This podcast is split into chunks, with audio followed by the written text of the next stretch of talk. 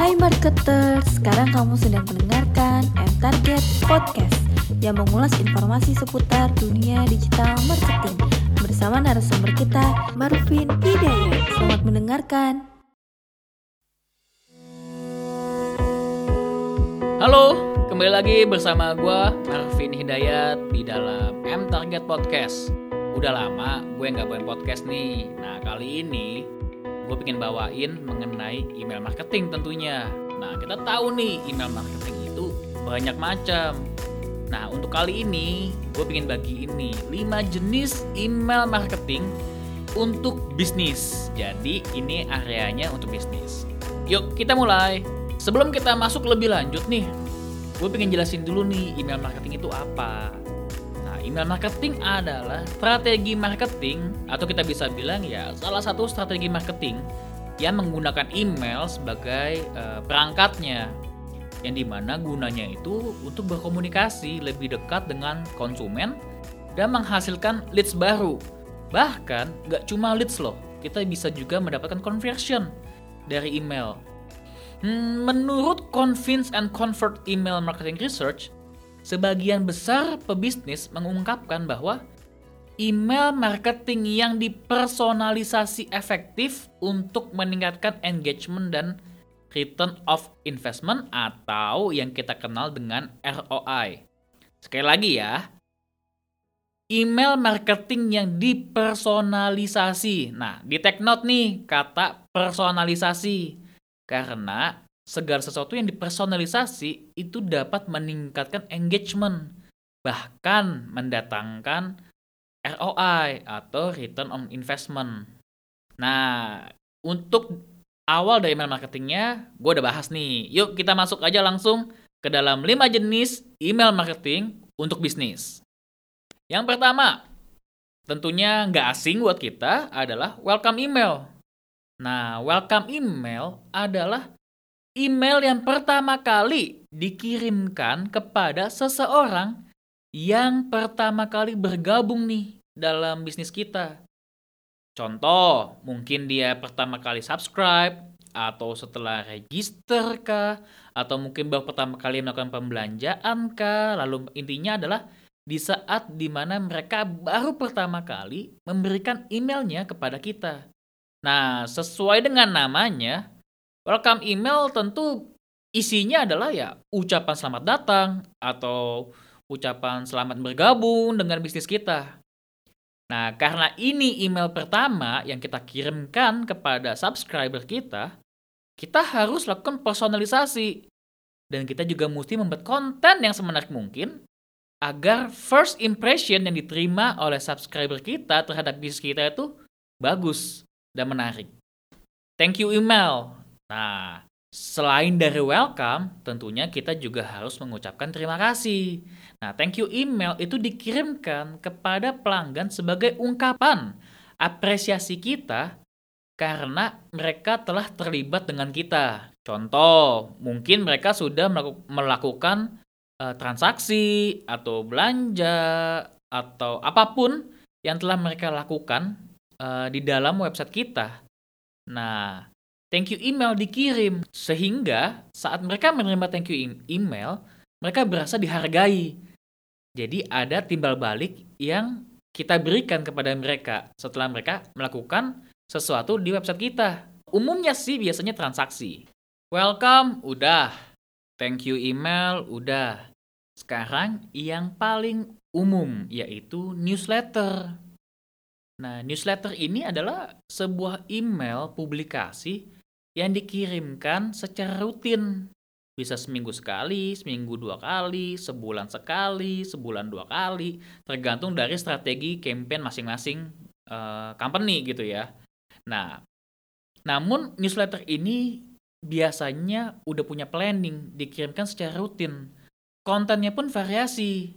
Biasanya ada yang berupa uh, launching new product, informasi produk baru, atau mungkin kupon potongan harga, bisa juga voucher, bisa juga konten edukasi mengenai bisnis kita, baik secara produk ataupun secara jasa yang kita jual di dalam bisnis. Jadi, newsletter ini bermanfaat, apalagi kalau newsletternya ini dipersonalisasi berdasarkan behavior dari penerima. Tentu saja dari segi engagement itu akan sangat tinggi. Nah, selain dari newsletter, yang hampir-hampir mirip dengan newsletter adalah email promosi. Nah, email promosi merupakan email yang tujuannya untuk mempromosikan suatu produk atau jasa dari suatu bisnis yang dijual. Biasanya promosi ini bisa berisi ya new product, harga potongan harga, diskon, atau promosi pada saat peluncuran produk baru. Nah, dengan kita mengirimkan email promosi, jangan lupa berikan deskripsi yang jelas terhadap promosi tersebut, yaitu jenis promosinya apa, tanggal berakhir promosinya kapan, dan terms and condition yang perlu diketahui oleh pembaca. Nah, bedanya dari newsletter, nah di dalam email promosi ini jangan lupa untuk menambahkan call to action button sehingga saat orang udah menerima email promosi ini, kita mengharapkan adalah mereka tahu apa yang harus mereka lakukan selanjutnya, yaitu mengklik tombol tersebut. Yang tombol tersebut bisa kita masukkan ke dalam website kita atau langsung add to cart dan segala macamnya. Nah, untuk email promosi ini perlu kita atur frekuensi pengirimannya. Karena kalau terlalu sering kita mengirimkan email promosi, yang ada subscriber kita menjadi jenuh. Karena mereka tahu yang kita lakukan hanya jualan, jualan, dan jualan. Sehingga mereka hanya berpikir uh, tidak ada niat dari company untuk membangun komunikasi ataupun membangun hubungan dengan mereka. Jadi perlu perlu diperhatikan nih antara newsletter dengan promosi.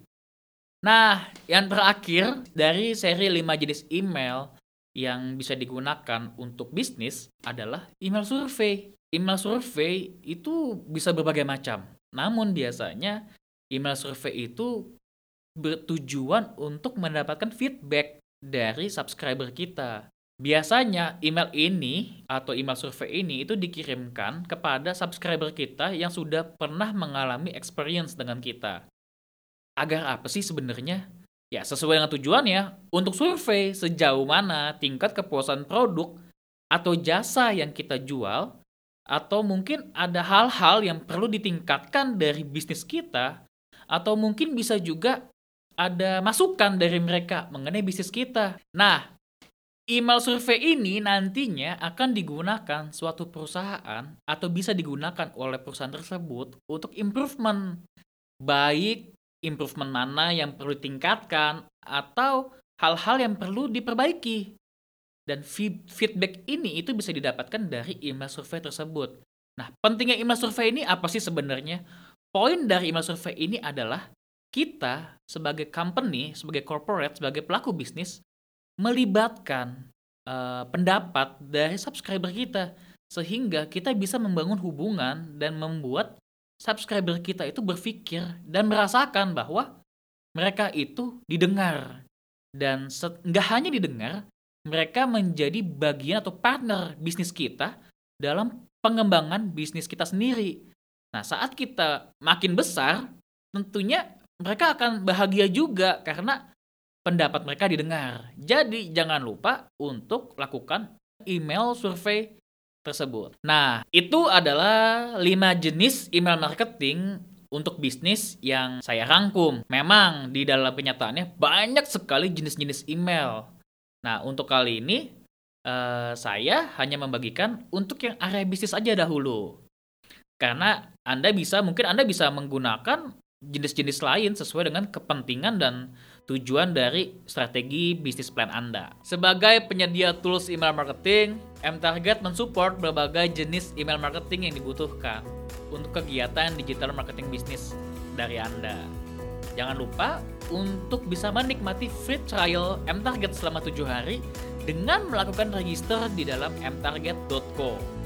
Dan Anda bisa merasakan dan mengexperience atau ya mengalami bagaimana mudahnya menggunakan tools email marketing dari AppTarget. Oke, itu sekian dari saya. Dan kalau ingin mendapatkan tips and trik menarik seputar dunia digital marketing, nah, teman-teman bisa berkunjung ke dalam blog M-Target di blog.mtarget.com atau bisa juga melihat channel YouTube kami atau juga bisa mendengarkan podcast dari M-Target atau bahkan join ke dalam channel Telegramnya M-Target. Oke, sekian dari saya. Sampai jumpa di M Target Podcast berikutnya. Bye bye.